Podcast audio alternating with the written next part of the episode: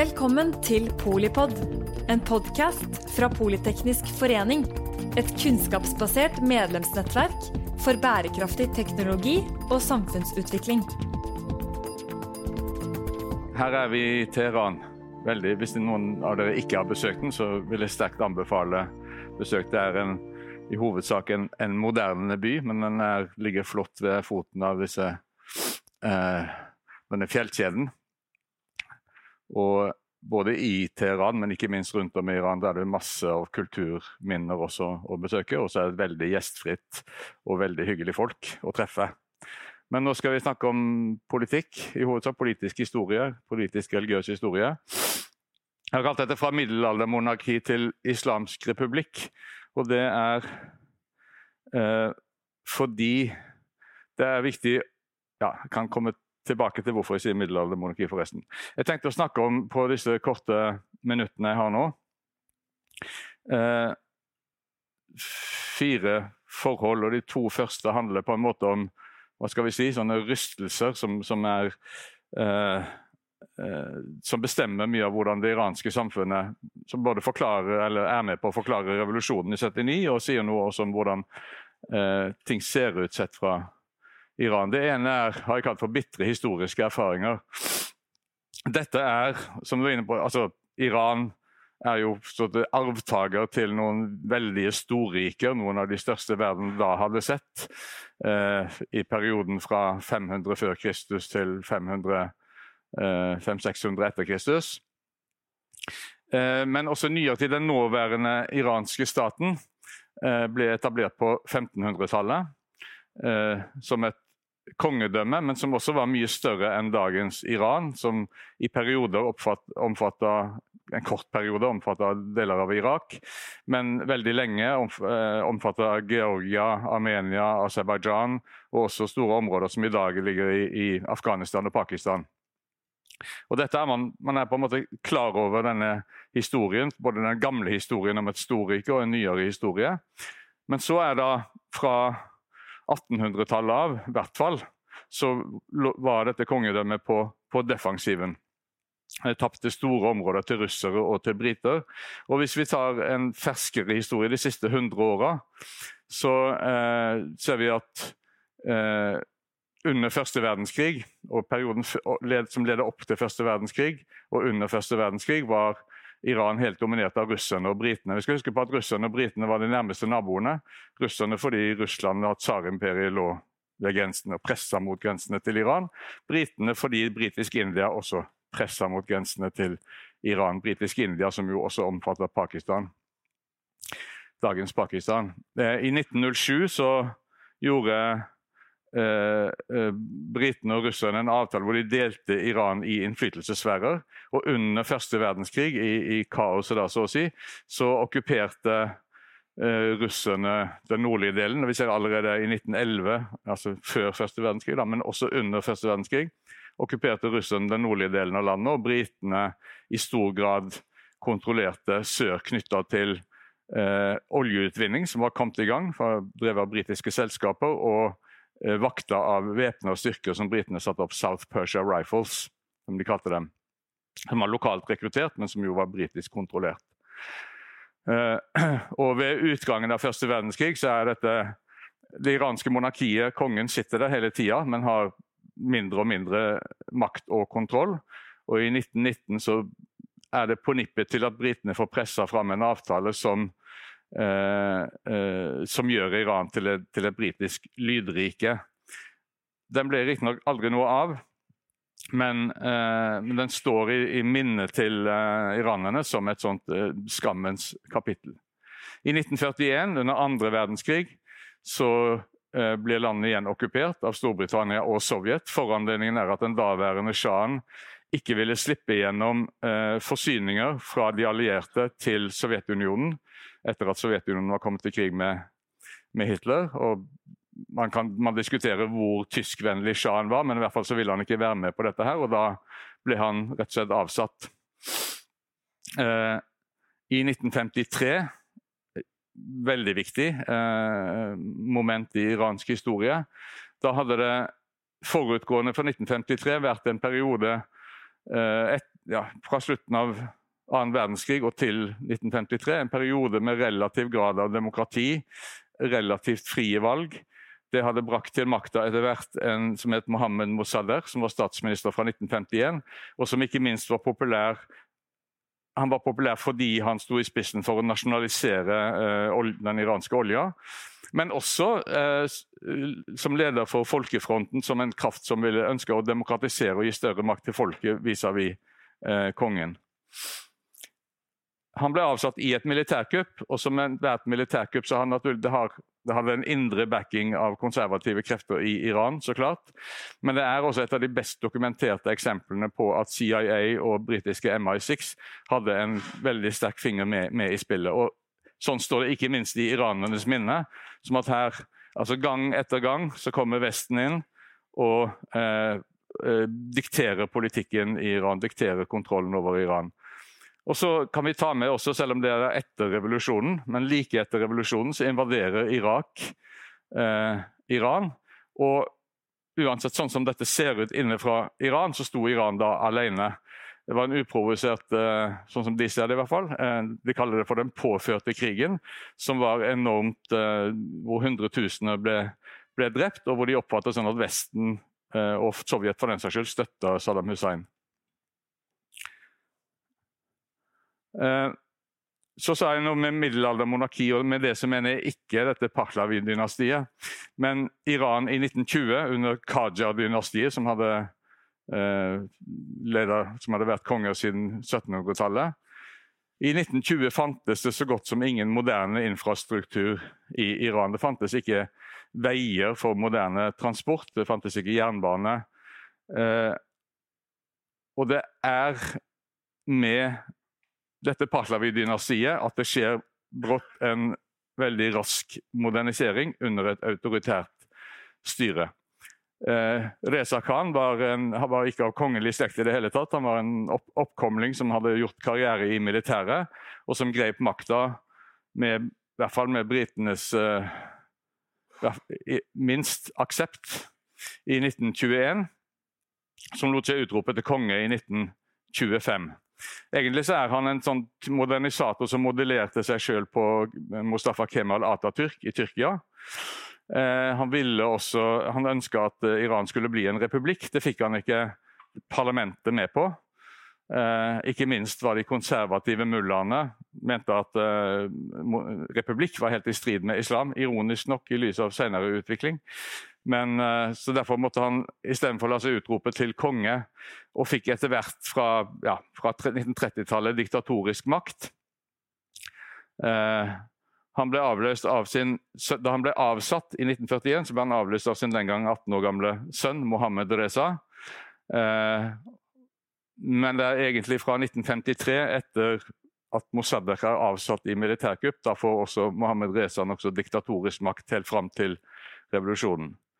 Under disse sjane så skjer det en rivende utvikling. Den første sjahen så kan vi si det primært er nettopp utbygging av denne manglende infrastrukturen. Det bygges veier og jernbaner. Eh, også en begynnende utvikling av, av eh, industri, men som veldig raskt og, og, og drastisk er i ferd med å endre Iran og knytte landet sammen. ikke minst. Som før så hadde det jo, Når det ikke var veier, så var det jo veldig spredt og, og løs sentral kontroll. Nå etableres et sentralt kontrollert monarki under den yngre sjahen, etter at det vel har stått litt stille gjennom krigen og den første perioden etterpå, men særlig fra, fra 1960 av, hvor også oljeinntektene har økt noe eh, på en måte, Mossadegh ble felt, men de klarte å få gjennom nasjonalisering av olja. Og de økte inntektene som eh, altså Det ga i seg selv økte inntekter, pluss at oljeprisen steg. Så fra 1960 av så er det jo enorme inntekter disponibelt fra staten. og Da setter den yngre sjahen i gang en voldsom moderniseringsprosess igjen. Nå er det ikke minst utbygging av alle former for, for industri, men også en voldsom ekspansjon i utdanningsvesen, helsevesen osv. Så, videre. så utbygging av en moderne stat. Men dette er også Det skjer enormt konsentrert. Eh, det skjer under et, og det skjer under et diktatur. Er voldsomme sosiale forandringer. Som, som, alle sånne forandringer skaper stor sosial uro. Noen for eksempel Jordbruket blir neglisjert. Folk flytter inn til byene for å søke, for å søke jobber. Eh, og når vi kommer fram mot revolusjonen, så er det liksom trykket fra alle de misnøyde, de misnøyde som har fått sine liv på en måte forverra eller opplever det under denne endringen. Men også de nye som vokser fram, den nye middelklassen som vokser fram, industriarbeiderne, som i og for seg som er i utgangspunktet også som er skapt på en måte av denne moderniseringa, og lenge er ganske positive til den. Men samtidig eh, også ikke minst den nye framvoksende middelklassen og student, de eh, store studenttallene ønsker seg deltakelse, og det får de ikke i dette eh, diktaturet. Så nå er vel tida nesten oppbrukt, men eh, Så hvorfor Så at det kom en revolusjon, det, det ligner egentlig og jeg, eh, Som det også er typisk i autoritære, diktatoriske stater, så, er, så var denne moderniseringa også mer og mer kombinert med utstrakt grad av korrupsjon. Og Begrepet 'crony capitalism', kompiskapitalisme, hvis dere kjenner det, er typisk for Iran. Nemlig at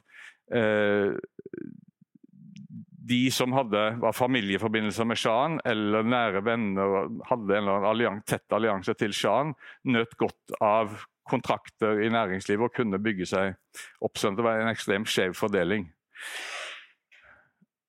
Eh, det er en, en, oppskrift, en sånn rask modernisering eh, under autoritært styre. Leder ofte før eller siden til en oppstand, et opprør. Sånn sett er det en kobling til den arabiske våren, for det er en lignende situasjon. på en måte. Men hvorfor ble den da islamsk? Da bruker jeg et par minutter på det. Eh, den måtte kanskje ikke bli altså Det blir feil å si at det måtte bli det.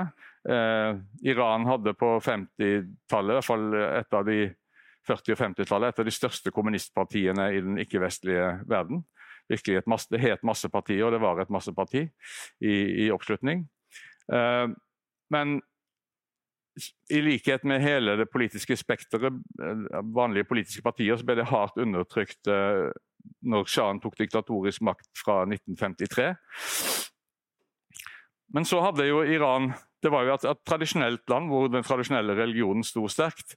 Og det vi kan kalle for presteskapet var en var en nokså uavhengig gruppe. De hadde sine egne inntekter som de fikk direkte fra de troende. De var ikke statsfunksjonærer, på en måte. Det ga dem en posisjon til å kunne agere eh, via moskeer og andre nettverk, også når den politiske opposisjonen var trykket ned. Det er en eh, faktor. Så fikk vi da fra 1960-tallet av eh, fordi en del av shahens modernisering også var sekularisering. Han ønska vestliggjøre Iran. Det vakte motstand hos presteskapet. Og Den som klarer stå opp mot dette, her var Ruhollah Khomeini, en av de ledende, en, en ayatollah, altså en ledende eh, geistlig. Han ble da fengsla og satt i eksil, men vant stor respekt for sitt mot i å snakke åpent mot sjahen. Eh, og Fra 1970 så begynte han å legge fram en ny tese om hvordan et, et islamsk land skulle styres. Jo, at det måtte styres av den fremste eksperten på islamsk lov. At monarkiet egentlig var i strid med islam, motsatt av hva de hadde sagt eh, tidligere. Og så men Khomeini fikk da betydelig oppslutning i presteskapet og hos relativt konservative krefter i landet. Samtidig var det en ung intellektuell, Ali Shariati, som var utdanna i sosiologi fra Paris og var med i tidas strømninger når det gjaldt eh, radikal, radikale sosialistiske ideer i det vi da kalte den tredje verden, som leverte en, helt, en, fortolkning av shia-islam som at det var et, eh, et, sånt, eh, måte, et klasseløst samfunn, og en, en, at det man skulle lære av shia-islam, var å gjøre opprør mot undertrykkelse. Eh, og Disse ideene hans fenger voldsomt blant den ungdommen som var under utdanning.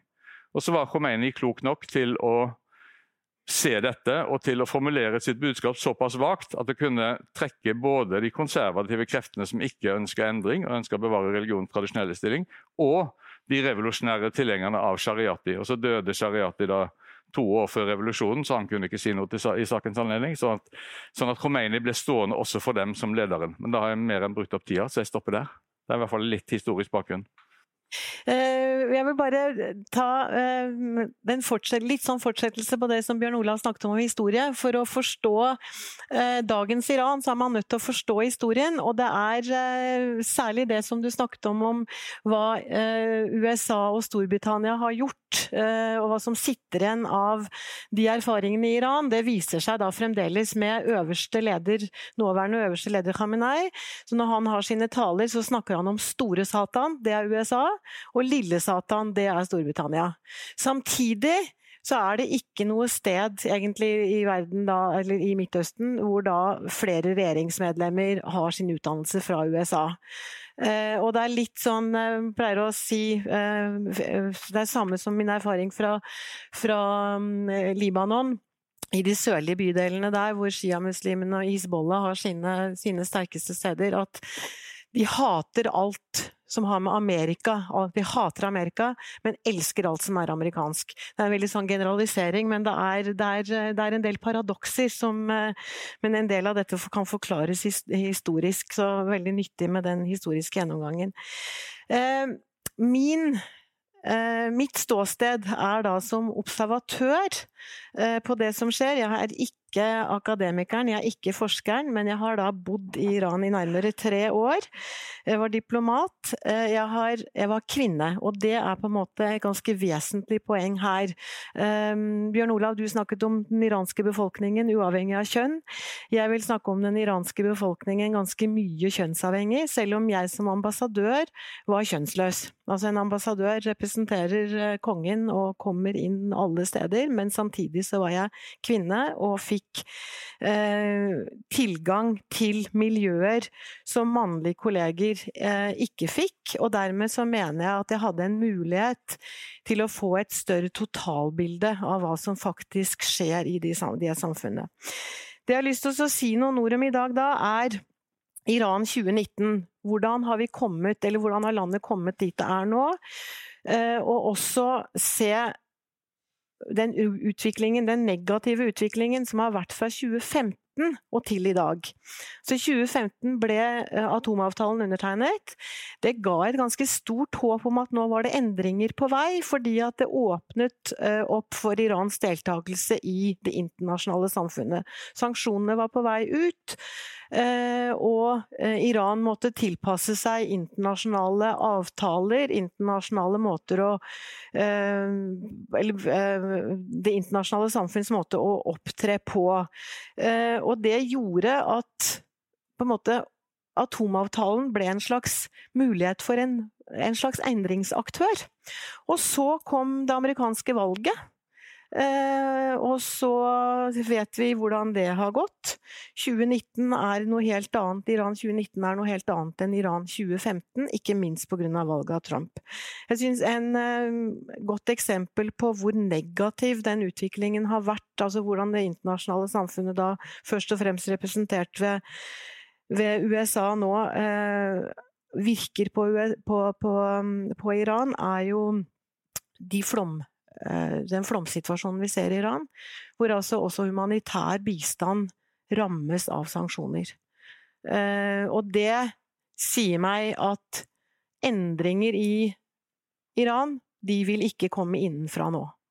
Altså Nå får man en konsolidering om de mer konservative kreftene, og det er det på en måte amerikanerne eh, legger opp til på mange måter. Altså Det var jo en slags krigserklæring, vil jeg si, når, når, Trump sier det at uh, Iran kan ikke regne med at de får noe hjelp før det har skjedd et regime, regimeskifte. Altså, det sier man ikke til et annet land.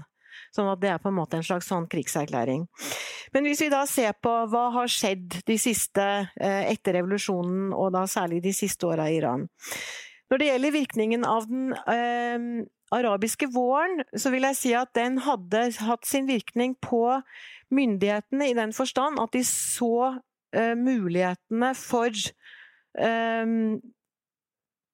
minoriteters opprør. Og det skapte en stor frykt uh, hos, hos, myndighetene, som gjorde at de strammet til politikken strammet til grepene når det gjaldt minoritetene, og kanskje kurderne er den gruppa som mest så det. Eller så vil jeg jo si at Iran hadde på en måte sin grønne sin arabiske vår, eller sin vår. Arabiske, arabiske eh, Det er få arabere i, eh, i, Iran. Hvis vi ser på etniske grupper der, så er det altså 61% persere, 10 eh, kurdere, 3% arabere, og så er det en hel rekke andre, andre grupper der. Og det, disse minoritetene er jo da det som myndighetene på mange måter frykter. Men i, 19, i 2009, da Ahmedinejad ble valgt eh, for annen gang, så fikk vi det som, ble, det som, ble, karakterisert som den grønne revolusjon. Og den ble slått hardt ned på. Altså, da var det studenter, da var det ungdom som sto opp og sa at dette finner vi oss ikke i. Dette valget er ikke legitimt, dette er juks, dette finner vi oss ikke i. Og de ble sl hardt slått ned på. Så ser jeg, jeg gikk tilbake da jeg skulle forberede meg til dette her, og så på hva som ble sagt i 2009, spesielt fra en del eksiliranere som sa at nå er det ingen vei tilbake for prestestyret. Dette vil vare, dette er en endring som vil vare vare. Nei, det er det ikke. Dette var ingen endring som vil vare, og det er sannsynligvis ingen endring som vil vare. Og det skyldes jo at grepet eh, internt i Iran er, er veldig sterkt. Det er de gamle menns styre, eh, og de holder eh, veldig hardt på makta. De har eh, sterke sanksjoner mot de som ikke oppfører seg ordentlig, og det skal lite til før man ikke oppfører seg ordentlig. Eh, for da å ta den kvinnedelen av det, så vil jeg si at den største altså Hvis vi ser på befolkningen i Iran i dag, så er jo den største parten av befolkningen født etter 79. De har ikke opplevd revolusjonen. Og det er også et vesentlig punkt her. Samtidig så er historien, nyere historie i Iran sånn at det er veldig få som ønsker seg en ny revolusjon. Altså både 79-revolusjonen og Iran, Irak, Iran-krigen var av en sånn karakter at man på en måte ikke ønsker eh, å ha noe sånt igjen. Eh, det er en ung befolkning, det er en høyt utdannet befolkning. Du kan si at utdanningsnivået på mange måter gjenspeiler et samfunn hvor det er stor arbeidsløshet. Da hender det ofte at samfunn bruker utdanning som en måte å liksom eh, minske andelen yngre, de aller yngste arbeidsløse, ved at de går lengre på, på skole, har et lengre utdanningsløp. Det er også et samfunn hvor da det er kvinnene som utgjør den største andelen eh, universitetsutdannede.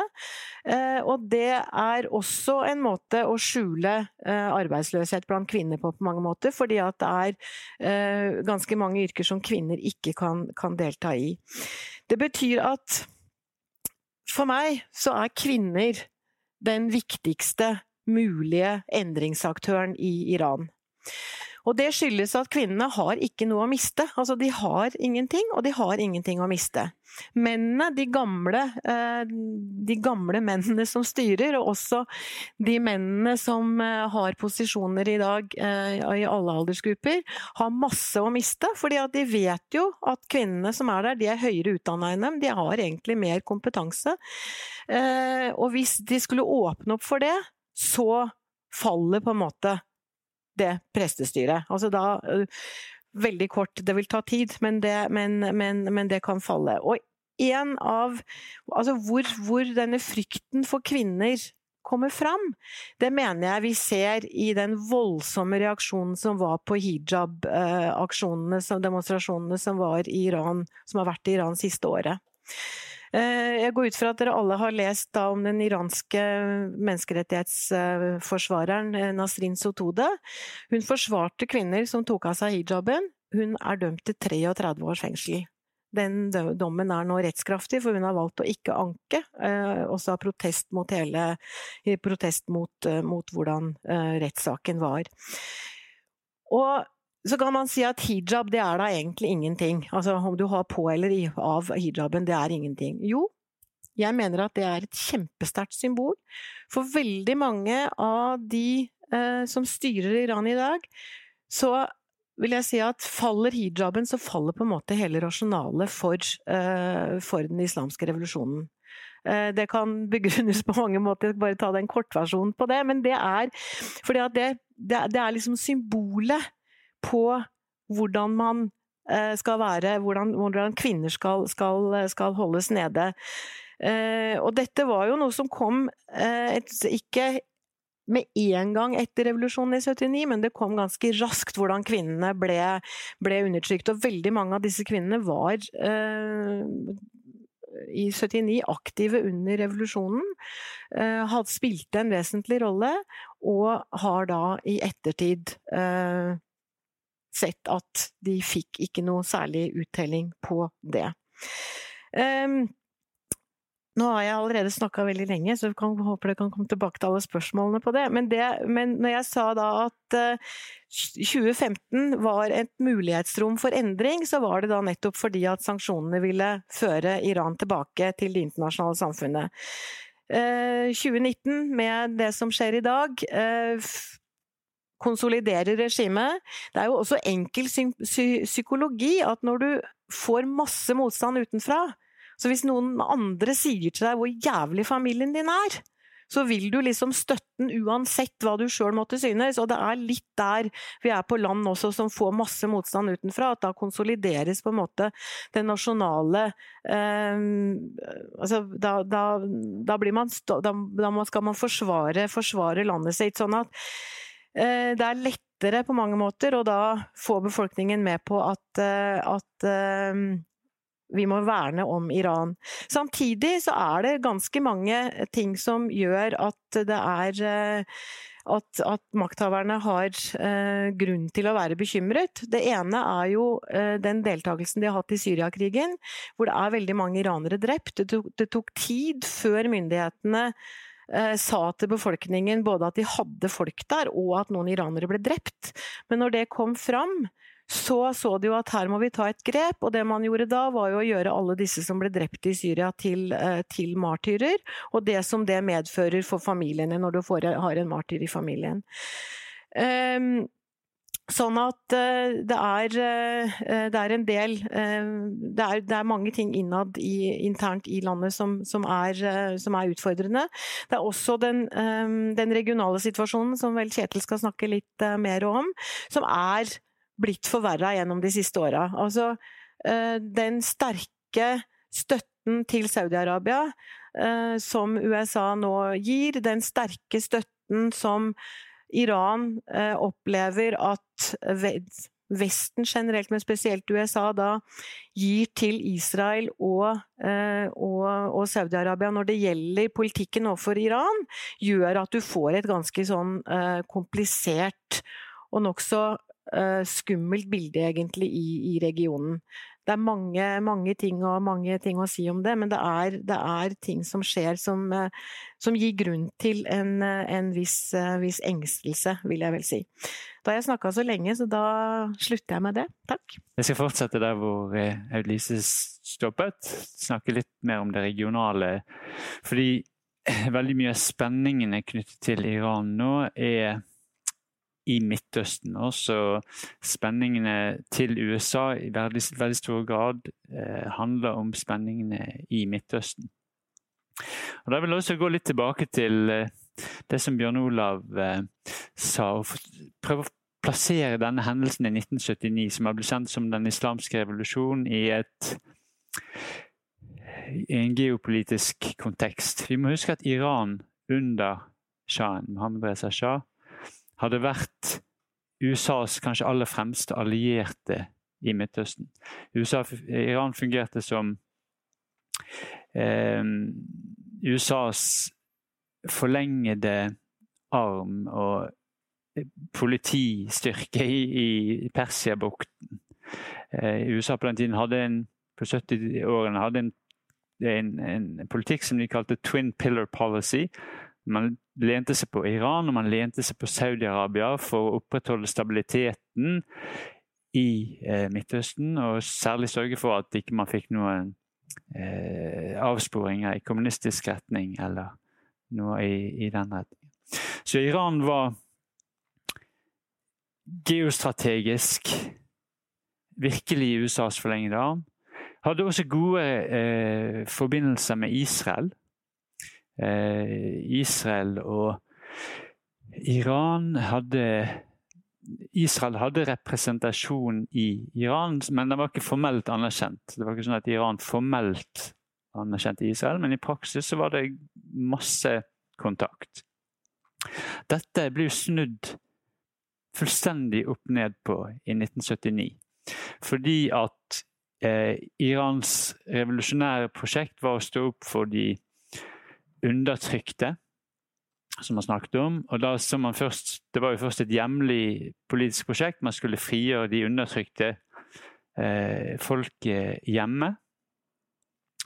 Men det hadde også en klar internasjonal forgrening. Man skulle stå opp for de undertrykte internasjonalt og regionalt. Og det vil jo si stå opp for alle som led under imperialisme rundt omkring i verden.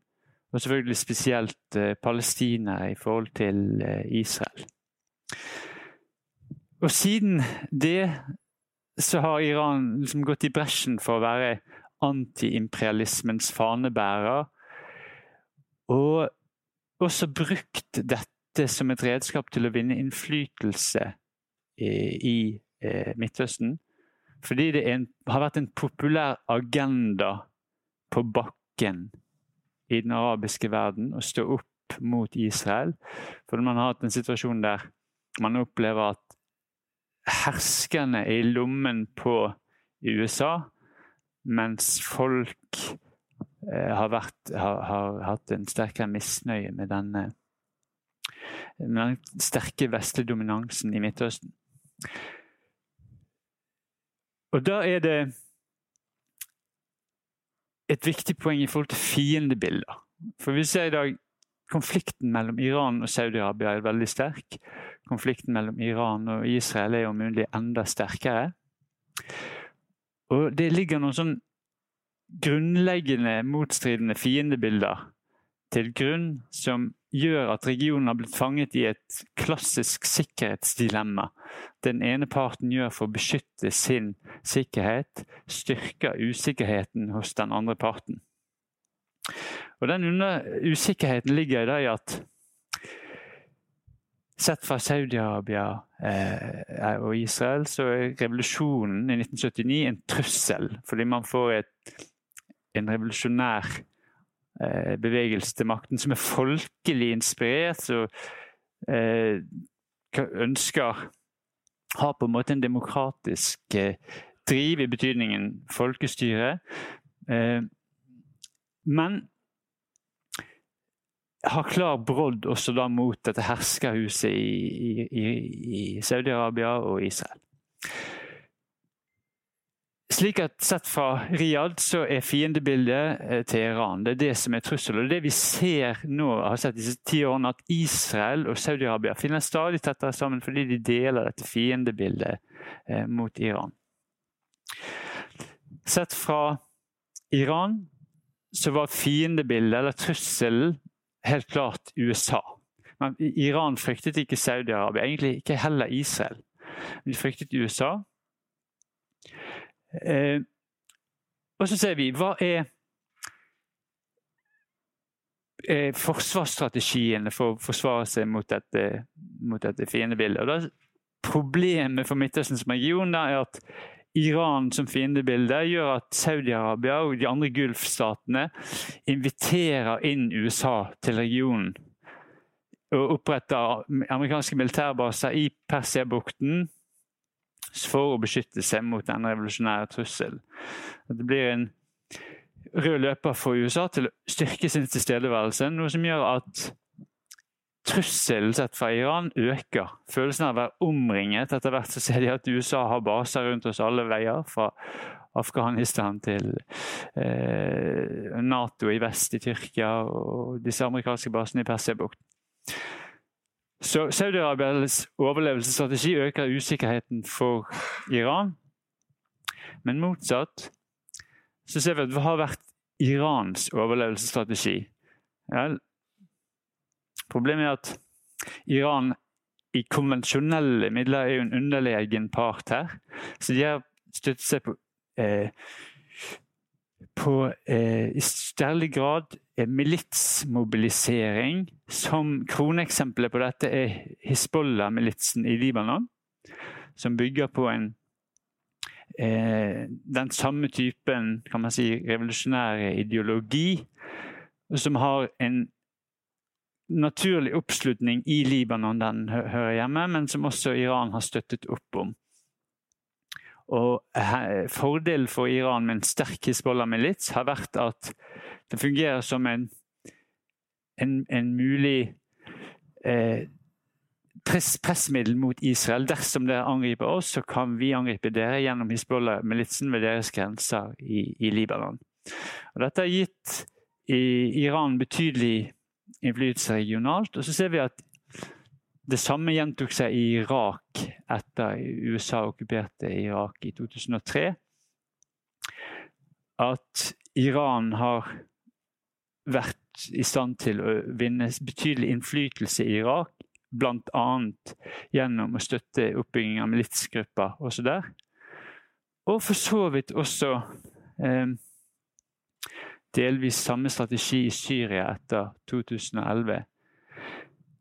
Og Problemet da i en, i en sånn regional kontekst er at dette, dette altså oppbyggingen av sjiamuslimske militsgrupper sett fra Saudi-Arabia og Israel er det bare øker deres følelse av usikkerhet. Eh, slik at de to partenes overlevelsesstrategier skaper forsterket da, usikkerhet eh, hos den andre. Så hvis jeg rekker noen ord, så tar jeg litt om, om dagens situasjon også. For det at atomavtalen, som Aud-Lise nevnte Obama hadde en tanke her om at atomavtalen ville kunne føre til en avspenning i regionen. Vi kunne føre til å ta ned spenningene her ved å ta vekk et usikkerhetsmoment. I hvert fall garantere at ikke Iran kunne utvikle atomvåpen. Burde jo da kunne føre til at spenningen avtok i regionen. Men vi ser at det falt ikke i god jord i eh, Riyadh og Tel Aviv. Eh, fordi at Riyadh og Tel Aviv først og fremst var veldig fornøyd egentlig med sanksjonsregimet som fantes mot Iran. For de er interessert i å holde Iran svake Eh, økonomisk og utenfor det gode selskap. Så de var ikke fornøyd med denne atomavtalen, som de fleste andre i verden ønsket velkommen. Og lobbyerte Trump for å bryte med den. Han brøt med den. Og politikken nå er Det kalles maximum pressure. Nå skal man tilbake til maksimalt press mot Iran for å få Iran til å eh, rett og slett bøye av og, og, svekke. Så dette presset begynner å bli eh, veldig, veldig sterkt. Fordi man eh, Man går nå etter oljeeksport. Man vil gjøre det, man vil sanksjonere alle som handler iransk olje. Man vil frata Iran praktisk muligheten til å eksportere olje. Og den iranske økonomien er veldig avhengig av denne eh, oljeeksporten. Ca. 40% av inntekten i budsjettet. Så dette har allerede ført til en dramatisk eh, nedgang i veksten i Iran. Den økonomiske veksten. Levekårstype brødopprør i, i Iran. Og man øker også presset i form av eh, at USA nylig sa at revolusjonsgarden i Iran er en terrororganisasjon. Og revolusjonsgarden i Iran er en del av, av det, egentlig det regulære statlige militære systemet i Iran. At vanlige iranere kan kan utføre sin verneplikt i revolusjonsgarden. Dette ble da utpekt som en terrororganisasjon på linje med Al Qaida og, og IS. Slik at vi eh, nå står i en egentlig en veldig prekær situasjon som bygger opp mot noe som kan gå fryktelig galt.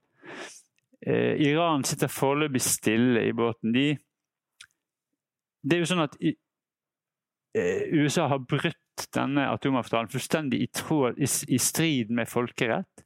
Dette er en avtale som var godkjent i, i, Sikkerhetsrådet, og der Iran ikke har brutt den. Likevel har bare USA funnet at nei, vi vil ikke gjøre det likevel, selv om vi sa det i, i Sikkerhetsrådet. Nei, vi vil ikke.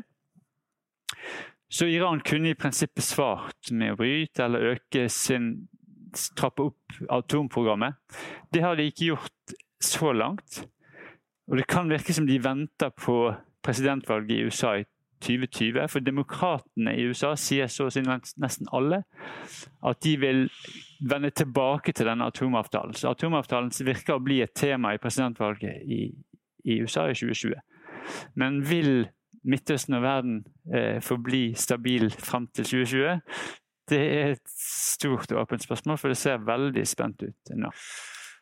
Eh, takk for eh, gode eh, innledninger eh, som toucher litt forskjellige aspekter ved, ved iransk politikk. Eh, eh, har dere først noen sånn kommentarer til hverandres, hverandres innlegg, eller skal vi gå rett på noen spørsmål fra meg?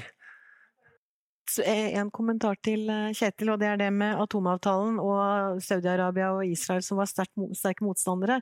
Det interessante er også at hardlinerne i Iran også var motstandere, og er motstandere av atomavtalen. sånn at de gjorde det jo ikke noe enklere internt å få til de endringene som hadde trengts for å få gjennomført atomavtalen, og så ble det ødelagt før det. Så det er mange aspekter, eh, mye rar dynamikk her. Ja, fordi at det gikk politikk i. For dette var president Rouhanis politiske prosjekt. Og han, han har motstandere på hjemmebane som tenkte ok, hvis det er bra for Rouhani, så det er dårlig for oss.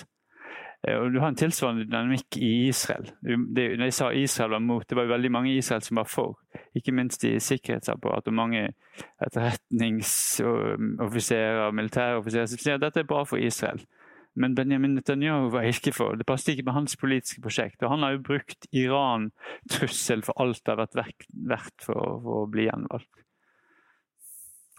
Ja, eh, kan starte med litt sånn historisk, eh, Bjørn Olav. Bjørn Olav. Eh, i hvilken grad uh, mener du at Iran ønsker å være en modell for andre muslimske land i måten de uh, har organisert sin stat på, med dette pressestyret?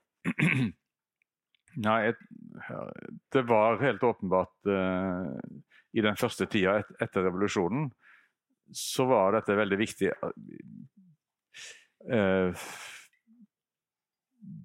De altså det var, Dette var jo drevet av en veldig sånn, revolusjonær kraft. og så, Som jeg sa, så var det jo en, på en måte en, en, kombinasjon av noen i og for seg kanskje konservative religiøse ideer, men også med dette som, som Kjetil eh, også var inne på, med at man skulle stå opp for jordens undertrykte og, og, og frigjøre eh, dem da, gjennom de, de mer radikale fortolkningene. Det sånn at i, i en første omgang så eh, var det sterke tanker om å eksportere revolusjonen. Der, eh, og det hadde en virkning i, i, hele den islamske verden, og for så vidt utover den også, fordi det, i den grad det ble forstått som et opprør mot USA-imperialismen. Eh, I den muslimske verden på denne tida så var det allerede inkludert altså i den sunnimuslimske verden var på gang i løpet av 70-tallet en veldig sånn islamsk vekkelse.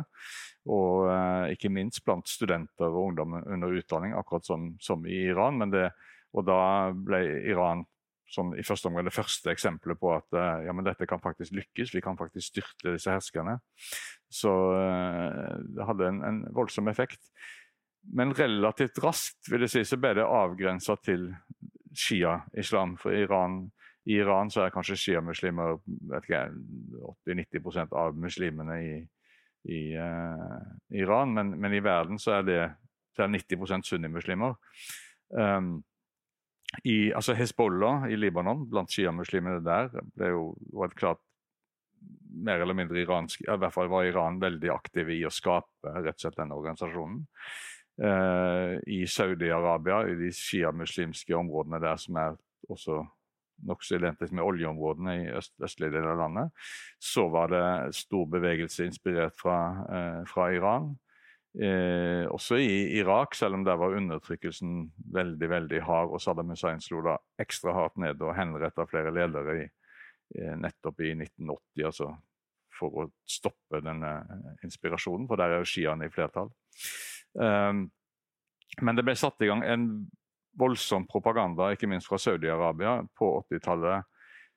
Nettopp retta inn mot den radikale sunnimuslimske ungdommen for å så å si, vaksinere dem mot sjiamuslimsk innflytelse. Og det lyktes de i stor grad med. Så, men, så, så det ble værende et sånt sjiaprosjekt. Så tror jeg at eh, går, hopper vi til i dag, så oppfatter jeg ikke som et sånt veldig stort prosjekt at Iran ønsker denne modellen gjennom, men de ønsker innflytelse. Uh, og i den uh, sjiamuslimske delen av Midtøsten så kan de i en viss grad oppnå det fortsatt. Så er det fortsatt et spill hvor bevegelser som Hezbollah, som er ideologisk like de, uh, er et, et verktøy. da. Jeg skal ikke si at det bare er et verktøy, men, men det er en ja. Mm. Og um, Aud Lise, hvilken hva er egentlig grunnen til at Iran oppleves uh, i noen vestlige land, i hvert fall som en trussel i dag? Er det uh, så enkelt som at vi må tilbake til uh, islamsk revolusjon, eller er det noe annet? For militærutgiftene for til Iran er jo langt lavere enn de fleste av naboland, også på en måte mindre land som Forente arabiske emirater. Så hva, hva er det trusselen egentlig består av? Er det atomvåpen? Atomvåpen tror jeg er en veldig eh, viktig del av det. Eh, og så er det jo altså, Hvis vi tar Midtøsten som, som region, som Kjetil snakket om, så er det noe med den rollen som Iran spiller og vil spille, som gjør at det oppfattes som en stor trussel. Uh, og det også at landet så, har så store oljeressurser, f.eks., er jo i seg selv også en uh, trussel for verdenssamfunnet. Hvis de da Nå er det en trussel mot dem selv med, med sanksjonene, men du kan si at det, en, det, ligger jo en trussel også i det, med hvordan man kan bruke oljen som, uh, som våpen. Og vi ser jo den diskusjonen i dag sant, med stenging av Hormozstredet, altså alt det som foregår. Så det er jo noe med beliggenheten, det er noe med retorikken, og det er noe med Eh, ressursene eh, og selvfølgelig da atom, eh, atomspørsmålet, som, som, er vesentlige deler av det her. Kjedil, du, sa, du nevnte dette forskjellen mellom republikansk og demokratisk tilnærming til Iran i USA. Kan du utfordre litt også måte, hvordan Iran splitter EU og Europa fra USA i dag? Ja, det er et viktig, viktig aspekt. EU, atomavtalen er jo noe av det viktigste og største som EU har fått til i utenrikspolitikken, noe de er veldig stolt av. Og noe de har eh, som er en sånn kjerneverdi for, for EU. For det er ikke sånn Alternativet nå til en forhandlet løsning med Iran er jo konfrontasjon. Og nå har Trump på nytt satt til muligheten for eh, krig på agendaen. For det, det virker som i hans, Slik han ser det, så er det liksom Du må presse, du må ha en trussel for å få disse til å forhandle. Men det er langt fra sikkert at det blir noen forhandling. Det kan godt bli krig. Og det er jo åpenbart ikke Europa interessert i, for vi har fått eh, masse negative konsekvenser av krigen i Irak. Eh, og skulle det bli en krig i Iran, så ville det bli enda verre. Så sånn realpolitisk så er ikke Europa interessert i noe krig med Iran.